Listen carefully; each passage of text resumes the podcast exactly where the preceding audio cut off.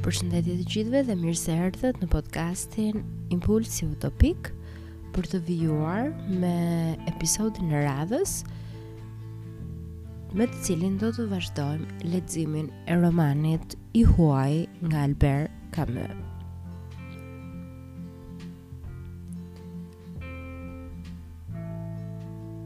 Gjatë kësaj kohe, Sintezi rregullonte fashën. Unë rrija ullur në krevat. Ai më tha, ju e shini që s'e kërkova unë sherrin. Ai më ra në qafë. Ishte e vërtetë dhe unë e pranova. Atëherë, ai më pohoi se donte një këshillë nga unë pikërisht për këtë çështje, se unë isha burrë e njihja jetën, se mund ta ndihmoja dhe pas kësaj ai do të ishte shoku im. Unë s'thashë asgjë, dhe ai më pyeti përsëri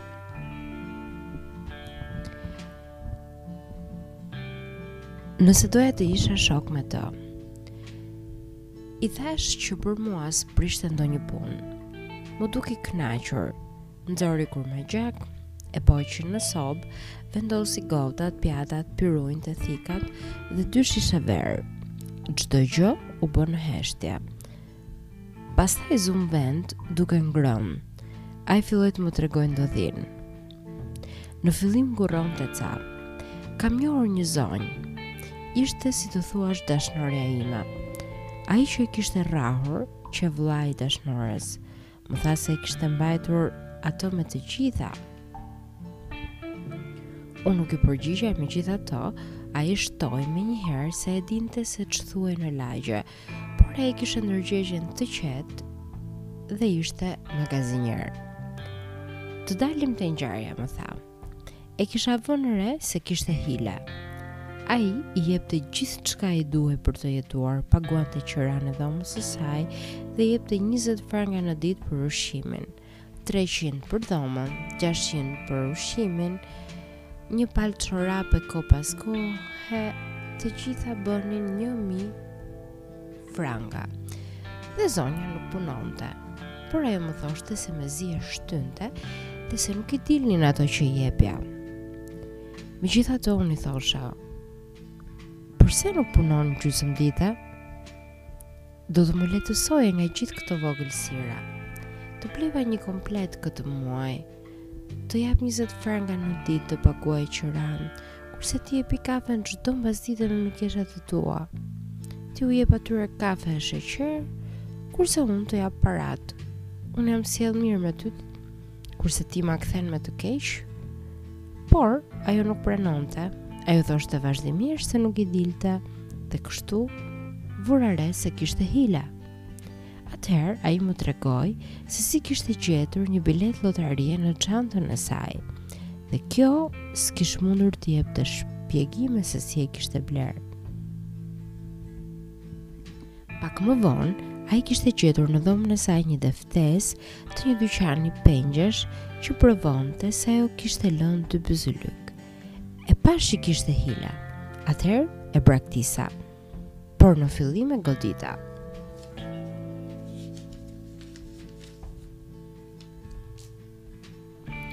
Pastaj, ia numërova të gjitha. I thashë se ajo e kishte mendjen vetëm të zbavitej me atë të sajën. Ju e kuptoni zoti Morso. I thashë tamam kështu. Ti nuk sheh që njerëzit janë xhelozë për lumturinë që të jap unë. Do ta kuptosh më vonë lumturinë që të kam dhënë. Ai e kishte rrahur sa e kishte gjakosur. Më parë ai nuk e rrihte. E qëlloja, por si të thuash me dashuri. Ajo bërtiste ca e unë mbyllja grilat dhe çdo gjë mbaronte si gjithmonë. Por këtë herë është serioze. Sa për mua, nuk e kam ndëshkuar aq sa duhet. Atëherë më shpjegoi se për këtë gjë kish nevojë për këshillën time. Ai u ndal të rregullonte fitilin e lampës që po shkrumbosej.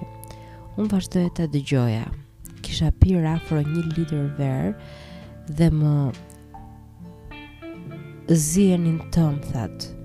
Tramvajet e fundit kalonin e merrin me vete zhurmat e largëta të lagjeve në periferi. Rajmondi vazhdoi. Ajo që e mundonte, qe se ai ndiente akoma nevojën të rrinte me të, por ai donte ta ndëshkonte. Në fillim, kishte menduar ta çonte në një hotel, të thërriste policët për të shkaktuar skandal dhe për ta futur në listën e lavireve. Pastaj u drejtua disa miqve të rrethit. Ata s'kishin zbuluar gjë, Dhe siç vuri në dukje Raimondi, nuk ia vlente të bëje pjesë në atë rreth.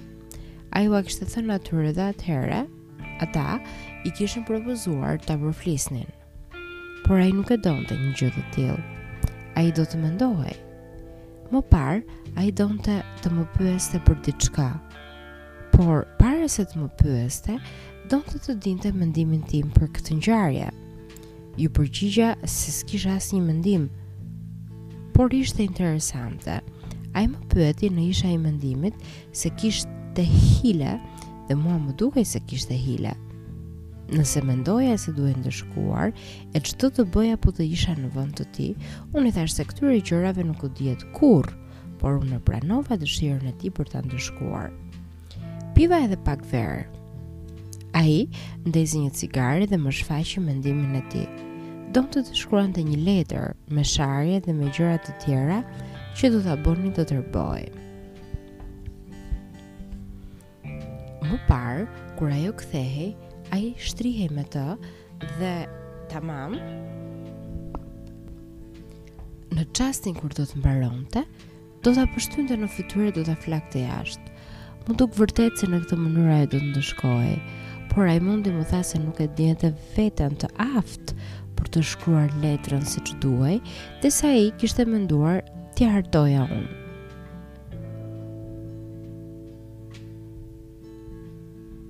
Meqenëse s'po thosha gjë, më pyeti nëse kisha bezdi të shkruaja menjëherë dhe unë i thashë që jo. Pasi piu një gotë verë, u ngrit, shtyu pjatat dhe atë pak kurmagjak të ftohtë që kishim lënë, Fshiu me kujdes mushamanë e tavolinës, mori në sirtar të komodinës një letër me kutia, një penë të vogël prej druri në ngjyrë të kuqe, një shishe katrore me bojë vjollcë, kur më tha emrin e gruas, pashë që Ishte maure. Shkrova letrën, e shkrova pa e vrarë shumë mendjen, por u përpoqja të kënaq Raymondin sepse nuk kisha arsye pse të mos e kënaqja.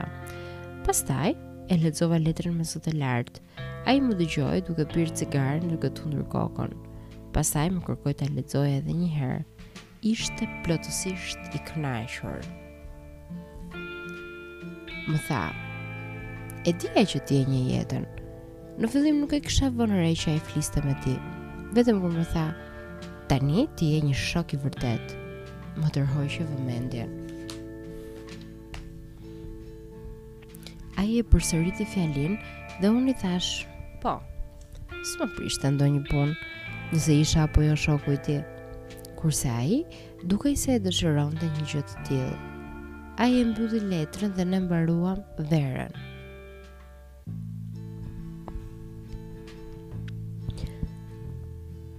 Ai e për... s'më prishte ndonjë punë, nëse isha apo jo shoku i tij. Kurse ai, dukej se e dëshironte një gjë të tillë. Ai e mbylli letrën dhe ne mbaruam verën. Pastaj, për një çast, pimë cigare pa shkëmbyer asnjë fjalë.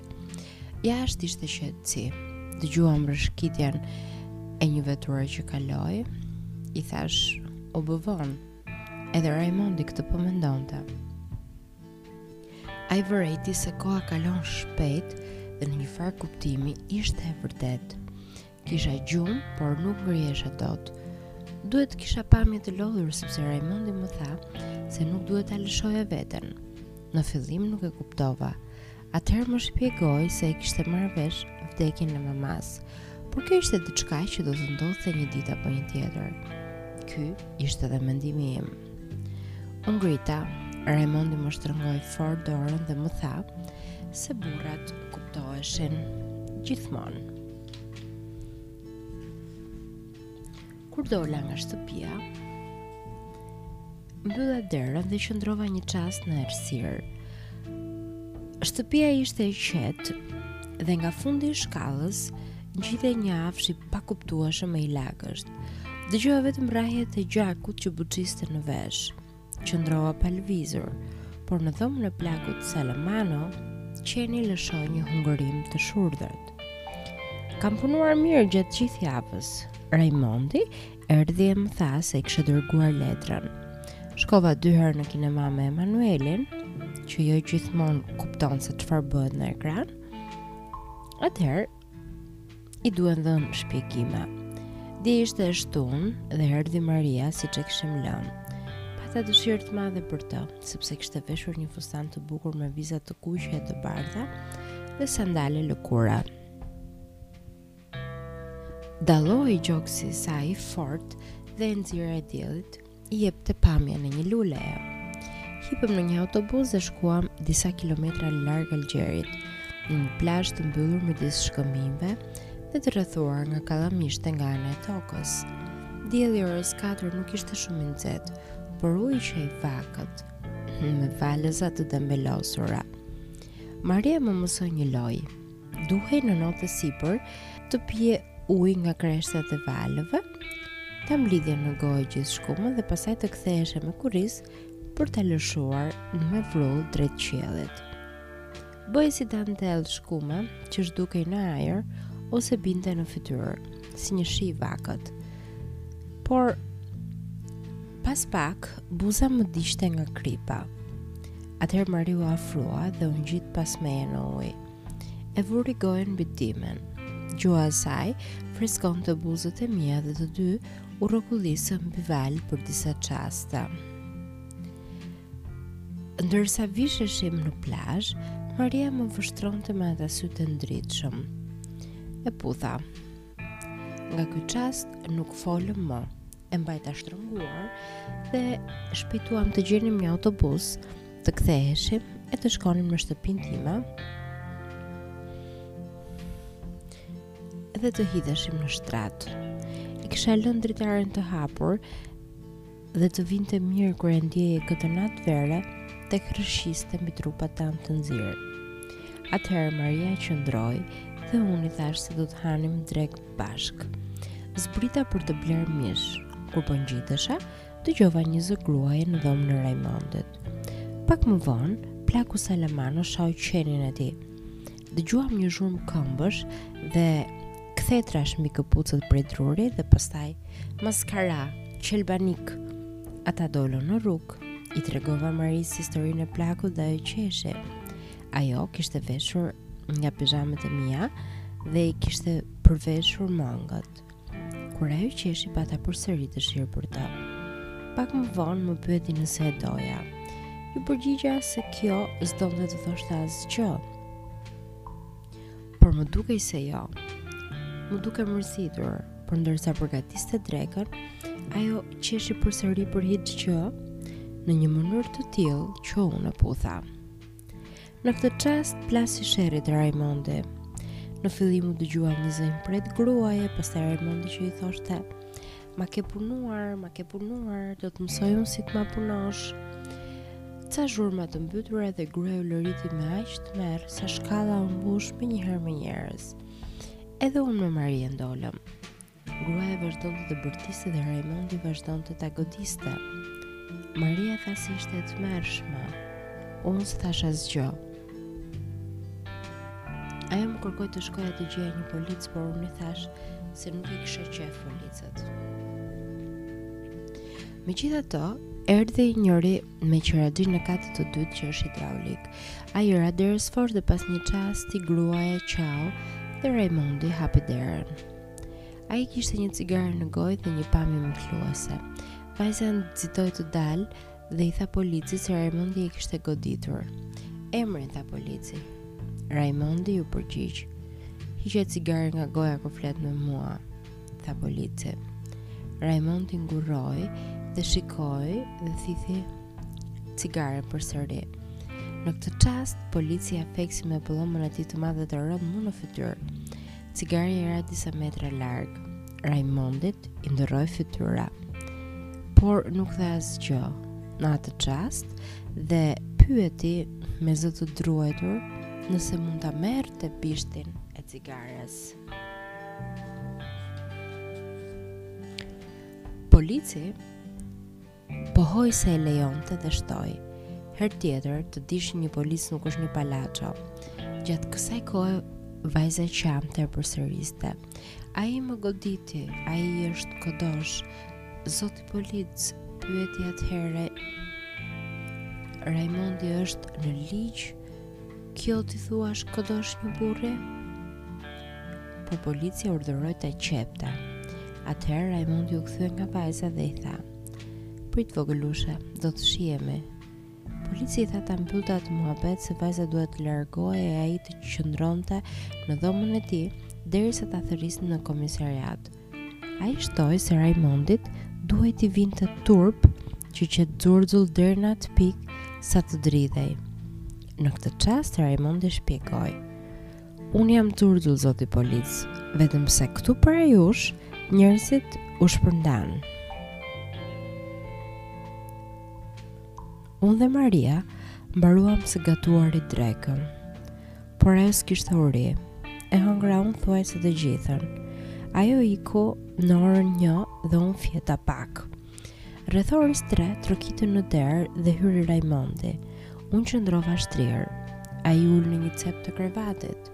Ndenji një çast pa folur dhe unë e pyeta si ngjau. Mu tregoi se kishte bërë ç'kishte dashur, por ajo e kishte qëlluar me shpullë dhe atëherë ai e kishte rrahur. Sa për të tjerat i kisha parë vetë. I thashë se tani më ngjante se ajo kishte marrë dënimin dhe se ai duhet të ishte i kënaqur. Ky qe edhe mendimi i tij. dhe ai shtoi se polici mund të përpiqej sa të donte, por shpullave që ajo kishte ngrënë s'kishte ç't'u bënte. Pastaj tha se i njihte mirë policët dhe dinte si të sillej me ta. Atëherë më pyeti nëse unë kisha pritur që ai t'i përgjigjej shuplakës së policit. Iu përgjigja se nuk e prisja asgjë prej gjëje, dhe se për më tepër, policët nuk Kisha qejf. Rajmondi m'u duk i kënaqur. Më pyeti nëse doja të dilja me të. U ngrita dhe fillova të kreh flokët. Më tha se duhet të dilja dëshmitar, por mua s'më prishte ndonjë punë. Por nuk dija se çfarë duhet të thosha. Sipas Rajmondit, mjafton të deklaronte se vajza e kishte punuar. Unë pranova të dilja dëshmitar. Ne dolëm dhe Rajmondi më pagoi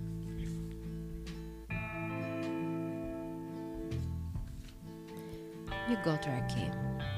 Pastaj, ai deshi të bëjë një lojë bilardo dhe unë humba tamam kur duhej. Pastaj deshi të shkojë në një shtëpi publike, por unë i thashë jo, sepse nuk i kam qejf këto gjëra. Atëherë u kthyem ngadalë dhe ai më thoshte se ishte i kënaqur që arriti ta ndëshkojë dashnoren e vet. Mua më dukej shumë i sjellshëm dhe mendova se qenë, o, se qenë orë të mira. Nga larg dallova tek pragu i derës plakun Salamano që dukej i shqetësuar. Kur u afruam ngat Pashë se nuk e kishte qenin me vete.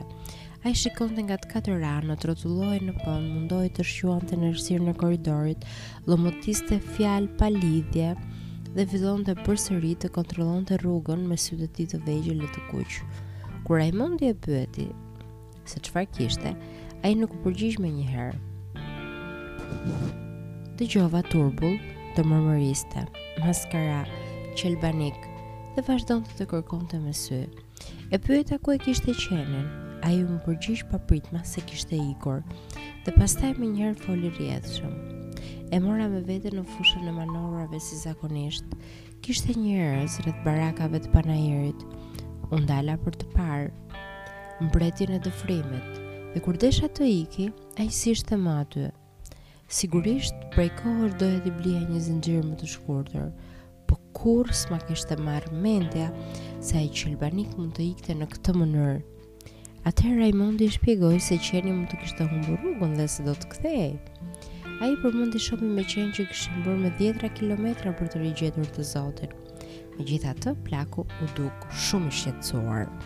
Por ata do të ma marrin, më kuptoni, sikur dikush ta strehonte përkohësisht, por s'e besoj, ai u kall krupën të gjithve me koret që ka. Policët do e marrin me siguri.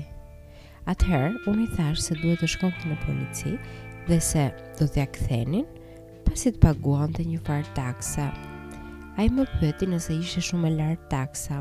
Unë nuk e dija. Atëherë, atij i hipi inati. Të japësh para për atë qelbanik? A, le të ngordhë dhe filloi ta shajë. Raimondi qeshi dhe hyri në shtëpi. E ndoqa pas dhe ne u ndam te sheshpushimi i katit. Pas pak dëgjova hapat e plakut. Dhe ai trokiti në derën time. Kur e hapa, ai qëndroi një çast në prag dhe më tha: "Më falni, më falni." E ftova të hyjë brenda, por ai nuk deshi. Vështronte majën e këpucëve të veta dhe duart e tij dregëza dregëza dridheshin. Pa më parë në sy, më pyeti. Nuk do të ma marrin, më thoni zoti Mërso. Do të ma kthejnë? E si do t'më vejë halli? I thashë se në polici, qentë i mbanin 3 ditë në dispozicion të pronarëve të tyre, dhe se pastaj, bënin si t'u thoshte mendja. Ai më vështroi në heshtje, pastaj më tha: "Natën e mirë." Mbylli derën dhe e dëgjova që shkonte e vinte. Krevati i tij kërciti dhe nga zhurma e lehtë dhe e çuditshme që vinte nga çanta, kuptova se po qante. Nuk e di pse më shkoi mendja tek mamaja, por duhet të ngrihesha herët të nesërmen. Nuk kisha uri dhe u shtriva pa ngrënë darkë. Rajmondi telefonoi në zyrë. Më tha se një nga miqtë e tij, ai i kishte folur atij për mua, më ftonte të kaloja të dielën në shtëpinë e tij pranë Algjerit. Iu përgjigja se do të më pëlqente, por i kisha premtuar një mikeshe. Rajmondi më tha menjëherë se e ftonte dhe atë.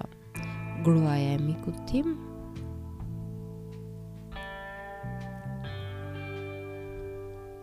do të ishte shumë e lumtur të mos ishte vetëm në mes të një grupi burrash. Desha ta mbyll telefonin menjëherë, sepse e di që pronarit nuk i pëlqen kur na telefonojnë nga qyteti. Por Rajmondi vazhdoi duke thënë se ai mund t'a kishte kumtuar ftesën edhe në mbrëmje, por donte të më vinte në dijeni për diçka tjetër. Gjatë ditës e kishte ndjekur një grup arabësh midis të cilëve ndodhej i vëllai i ish dashnores së tij.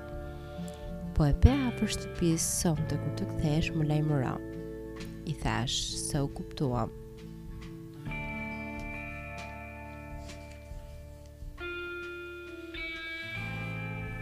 Pak më vonë, pronari më thirri dhe për një çast u mërzita sepse mendova se do të më thoshte të telefonoj më pak e të punoj më shumë. Por nuk ndodhi kështu. Ai më pohoi se do të më fliste për një projekt ende të papërcaktuar. Donte vetëm të dinte mendimin tim mbi këtë çështje. Ai kishte ndërmend të hapte në Paris një zyrë që do të merrej me punët e tij e do të lidhej drejtpërdrejt me shoqëritë e mëdha dhe donte të dinte nëse isha i gatshëm të shkoja atje. Kjo do të më jepte mundësi të jetoja në Paris dhe një pjesë të vitit ta kaloja me udhëtime. Ju jeni i ri dhe më duket se kjo jetë që po ju propozoj është një jetë që ju duhet T'ju pëlqejë. I thashë se po, por që tek e fundit pak rëndësi kishte.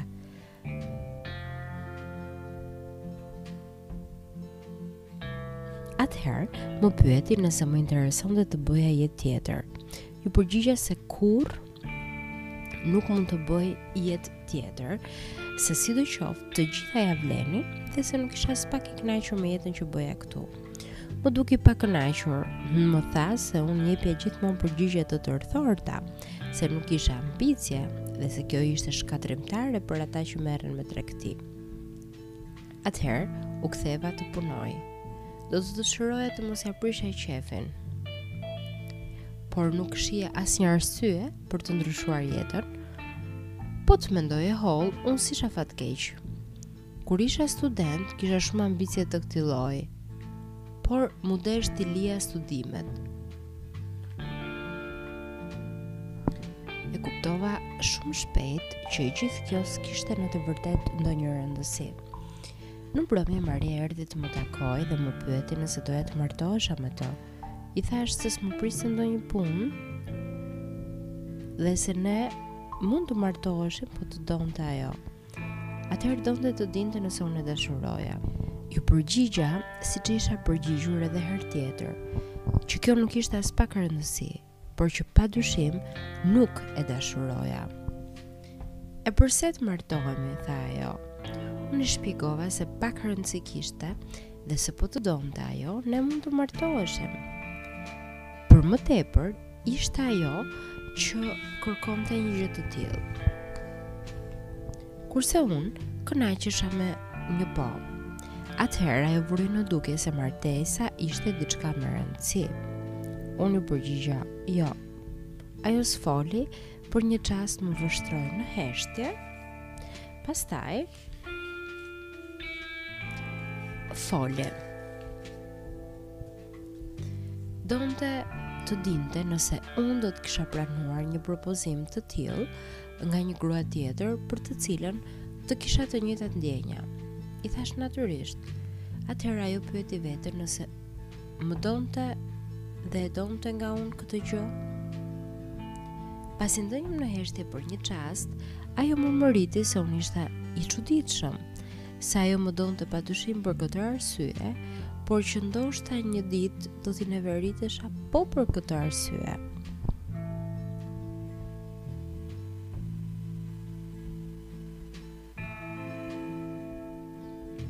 Meqë unë heshtja, e ajo s'kishte gjë për të shtuar, më kapi nga krahu duke buzëqeshur dhe pohoi se donte të martohej me mua. Iu përgjigja se do ta bënim kur të donte ajo. Atëherë unë i fola për propozimin e pronarit dhe Maria më tha se donte të njihte Parisin. I tregova se kisha jetuar aty dikur dhe ajo më pyeti si ishte. Unë i thashë, është i pistë, ka pëllumba dhe oborre të zeza, njerëzit kanë lëkurë të bardhë. Pastaj, ecëm dhe kaluam nga rruga kryesore e qytetit. Gratë ishin të bukura dhe unë pyeta Marian nëse i vinte re. Ajo më tha, po, se më kuptonte. Për një çast ne nuk folëm më. Megjithatë, unë doja që ajo të rrinte me mua dhe unë i thashë se mund të hanim darkë bashkë te Çelesta. Ajo kishte shumë dëshirë, por ishte e zënë. Ne ishim afër shtëpisë time dhe unë i thashë mirupafshim. Ti nuk do të dish përse jam e zënë. Unë doja ta dija, por nuk e vrava mendjen dhe me sa duket, ajo po më qortonte pikërisht për këtë. Atëherë, kur më pa që mbeta ngushtë, qeshi përsëri dhe i dha gjithë trupit drejt meje për të më zgjatur buzët. Dhe këtu do e mbyllim episodin e radhës të romanit I huaji nga Albert Camus. Duke ju falënderuar për vëmendjen dhe duke ju ftuar që të shkarkoni podcastin Impulsi Utopik në platformat Spotify, Apple Podcast dhe në të gjitha platformat ku dëgjohet podcasti. Ju uroj të kaloni një kohë të bukur dhe mirudëgjofshim herës që vjen.